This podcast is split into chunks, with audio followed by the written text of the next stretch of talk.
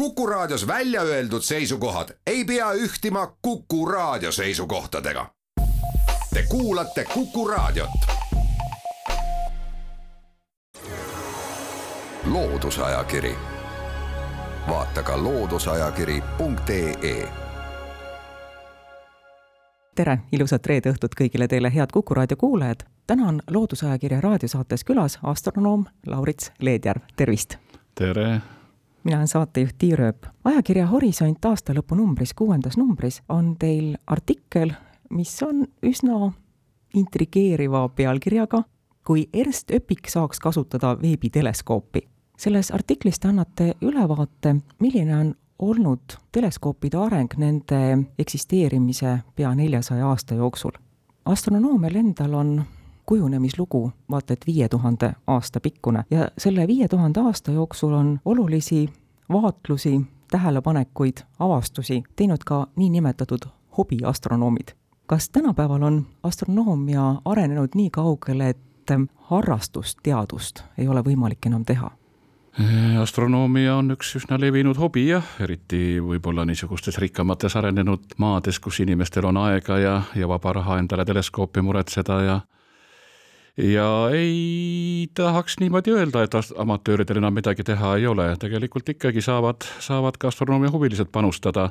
Võib-olla see teleskoobiga taevasse vaatamise tähtsus on tõesti natukene vähemaks jäänud, sest professionaalsetel astronoomidel on nüüd ka palju selliseid teleskoope, mis nii-öelda pidevalt taevast läbi kammivad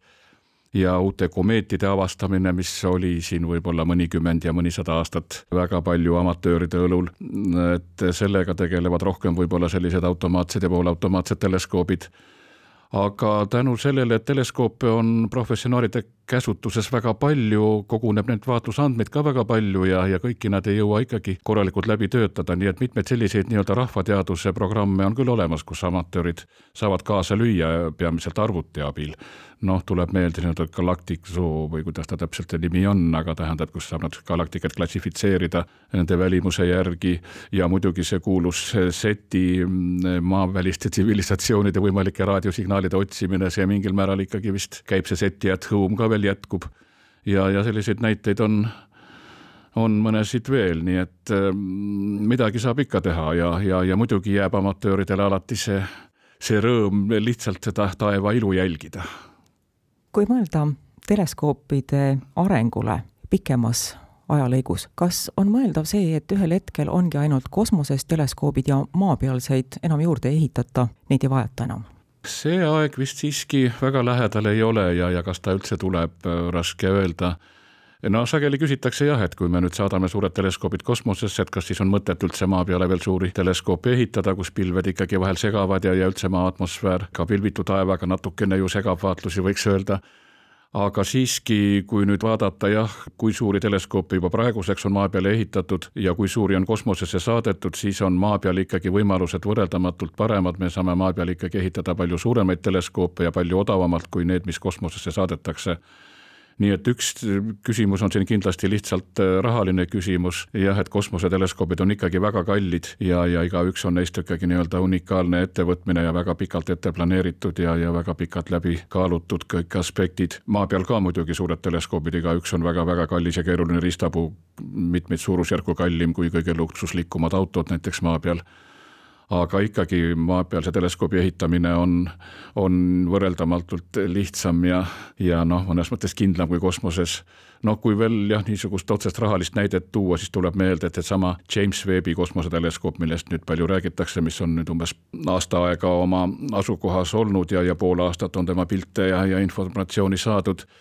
selle maksumuseks hinnatakse praegu umbes kümme miljardit dollarit ja samas maa peal Tšiilis ehitatakse praegu Euroopa Lõunaobservatooriumi niinimetatud äärmiselt suurt teleskoopi mille läbimõõt tuleb kolmkümmend üheksa meetrit ja mille maksumuseks noh, esialgu hinnati üks miljard eurot, no praktika näitab, et aja jooksul need maksumused natukene kasvavad, aga noh, siiski ma arvan, et ta sinna ühe ja kahe miljardi vahele jääb. Hubble'i teleskoop on kolmkümmend aastat juba töötanud, töötab ta veel? Jah, Hubble'i teleskoop on väga kaua vastu pidanud, võib öelda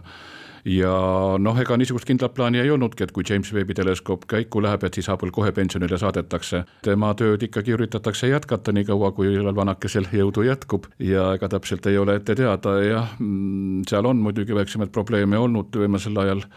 ka, aga ja, ja ütleme, mm, need teeninduslennud, mis olid algselt kavandatud, need ju lõppesid juba kahe tuhande üheksandal aastal. Pärast seda on ta iseseisvalt pidanud hakkama saama ja, ja on kenasti saanud. nii et noh, kindlat tähtaega ei tea öelda, aga, aga usun, et ikkagi üsna mõned aastad võime saada veel Hubble'ilt ka väärtuslikku infot. kui võrrelda Hubble'i teleskoopi ja nüüd uut veebiteleskoopi, milline see erinevus on, kas võib nii lihtlabase võrdluse tuua, et kui Hubble'i teleskoop on näiteks gümnaasiumiõpilase matemaatika ja füüsika ülesandeid eh, lahendada aitav taskukalkulaator, siis veebi kosmoseteleskoop on hoopis mis asi? Mm, noh, võib-olla nojah, ei saa võib-olla öelda, et oleks mingisugune tänapäevane väga võimas arvuti selle taskukalkulaatoriga võrreldes, aga võib-olla noh, näiteks nagu tahvelarvuti umbes, mida me tavaelus kasutame ka mitte niivõrd arvutamiseks, vaid, vaid kõigeks muuks igasuguseks infovahetuseks ta on muidugi jah, palju suurem kui Hubble'i peegli läbimõõt on kaks koma neli meetrit, siis veebiteleskoobil on see kuus koma viis meetrit ja teatavasti valguse kogumise võime, mis on selliste teleskoopide puhul oluline see sõltub ju peegli pindalast, mis on omakorda selle läbimõõdu ruuduga võrdeline, nii et, et äh, selle veebi peapeegli pindala on umbes kuus korda vähemalt suurem jah, kui, kui Hubble'i oma, aga teistpidi nad ei ole võib-olla päris võrreldavad ka selles mõttes, et Hubble'i teleskoop tegelikult vaatleb võiks öelda suuremat, laiemat lainepikkuste vahemikku, ta näeb kõike seda optilist kiirgust, mida inimese silm tunnetab ja sellest ka lühemate lainete poole ultraviolettkiirgust ja natukene ka sinna pikemate lähisinfrapunalainete poole aga James Webbi teleskoop ongi kavandatud töötama peamiselt just selles pikemalainelises infrapunases kiirguses. noh, seda silmaga nähtavat optilist ka natukene püüab kinni sealt punasemast otsast ja siis tuleb selline kiirgus, mida me palja silmaga ei näe aga see on oluline selles mõttes, et see võimaldab tungida hästi sügavale ja kaugele universumisse, sest ühelt poolt jah, universumi paisumise tõttu on need kõige vanemad galaktikad, mida me näeme nüüd oma esimeses nooruses või väga noorena tegelikult tänu James Webbi teleskoobile, nende kiirguse maksimum on nihkunud just sinna infrapunasesse spektripiirkonda ja teiselt poolt selles infrapunases kiirguses näeb ka läbi niisugustest tolmustest kohtadest, kuhu Hubble'i silmad jälle ei ulatu, no kas või näiteks meie oma linnutee keskpunkt objekti ümber on suured tolmupilved ja, ja seda tolmu, mis, mis takistab optilise kiirguse läbiminekut, seda leidub universumis üsna palju mitmel pool detsembris käis Loodusajakirja raadiosaates külas astrofüüsik Peeter Tenjas ja tema selgitas, mis on praegu galaktika uurijate jaoks sõlmküsimus. vaatame teisi valdkondi, näiteks kosmosekeemiat, mis on kõige päevakorralisemad küsimused noh, jah, võiks öelda ju, et kõik, kõik protsessid, mis tähtedes või, või, või nende ümbristes või, või, või seal gaasi- ja tolmupilvedes või, või galaktikaid ümbritsevates gaasipilvedes toimuvad, on ju keemilised protsessid. Ehm, no tänapäeval jah, öeldakse, et astronoomia on eelkõige muutunud astrofüüsikaks, sest kosmosekeemiast või astrokeemiast võib-olla nii väga palju ei räägita, kuigi see termin on täiesti olemas inglise keeles, astrochemistry ja, ja vahel ka kosmochemistry kasutatakse. ja aga noh, eks seal on tegelikult umbes nii nagu nagu füüsikaliste nähtustegagi, et me, me eeldame ja arvame ja, ja sellel näib tõepõhi all olevat, et see füüsika on, on seal kauges universumis igal pool põhimõtteliselt samasugune nagu see, mida me siin maa peal oleme tundma õppinud. Ja nii ka need keemilised reaktsioonid ja protsessid põhimõtteliselt toimuvad samamoodi nagu maa peal, aga muidugi erinevus on nendes füüsikalistes tingimustes, et kosmoses me võime kohata väga kõrgeid temperatuure, väga suuri tihedusi ja teistpidi ka jällegi väga-väga väikeseid ainetihedusi, kus aine keskmine tihedus võib olla palju väiksem kui ükskõik millises maapealses vaakumis, mida me oskame siin maa peal tekitada ja väga madalaid temperatuure, kui noored tähed tekkima hakkavad nendes gaasi- ja tolmupilvedes, esialgu temperatuur on seal võib-olla kümme, kakskümmend, kolmkümmend kraadi üle absoluutse nulli ehk Celsiuse kraadides siis seal kuskil miinus kahesaja viiekümne kandis et need on niisugused erilised tingimused, mida me maa peal niisama naljalt ei suuda ise luua ja selles mõttes võivad need keemilised protsessid ka teistsugused natukene olla. Ja, ja just see keemia tulebki mängu ju eelkõige võib-olla uute tähtede tekkimisel ja, ja, ja tähtedega koos, kui siis tekivad need nimetatud protoplanetaarsed kettad, siis on muidugi oluline jah, et, et millised keemilised elemendid seal domineerivad seal ketastes ja millised protsessid toimuvad ja, ja, ja, ja et kui seal ketta siis tõesti tekivad planeedid, siis on seal ka tavaliselt palju võimalusi, missuguseks need planeedid kujunevad, kas nad tulevad midagi maataolised, sellised kivised planeedid välja või tulevad Jupiteri taolised hiidplaneedid ja, ja sõltub ka muidugi sellest, kui lähedal nad oma ematähele tekivad.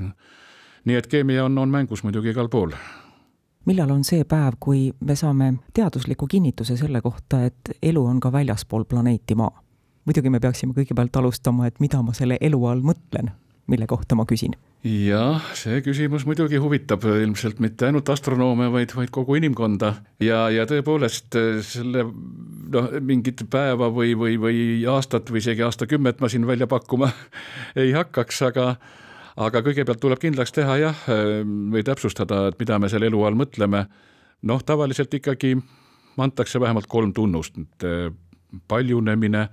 pärilikkus ja, ja ainevahetus peaksid iseloomustama ühte elusorganismi ja elussüsteemi ja selle koha pealt ka need kurikuulsad viirused, millest viimastel aastatel on palju juttu olnud, on noh, ikkagi polemiseeritakse vahel, et kas nad siis on elusolendid või ei ole, pigem võib-olla ei ole, võiks öelda.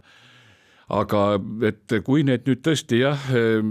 tahaksime kuskilt mujalt Ähm, kui maa pealt seda elu leida, siis ega see niisama lihtne ei ole jah, et me lihtsalt vaatame teleskoobiga ja, ja, ja näeme mingeid, mingeid olendeid kuskil tegutsemas. see tuleb ikkagi kaudsete tunnuste järgi kindlaks teha ja, ja, ja need noh, nimetatakse vahel biomarkeriteks ka eelkõige loodetakse planeetide, kui me räägime nüüd planeetidest teiste tähtede juures, nii-öelda eksoplaneetidest, nende atmosfääride koostise kindlaks tegemisele, keemilise koostise kindlaks tegemisele ja ja selles suhtes seesama James Webbi teleskoop annab juba natuke lootust ja see Tšiilis ehitatav kolmekümne üheksa meetrine teleskoop, kui see mõne aasta pärast valmis saab, siis võime võib-olla heal juhul mingeid märke saada, muidugi see on jah, see, ma ütlen, see veel kord, see on ikkagi väga keeruline küsimus, kui me ikka saame mingeid tõendeid, näiteks noh,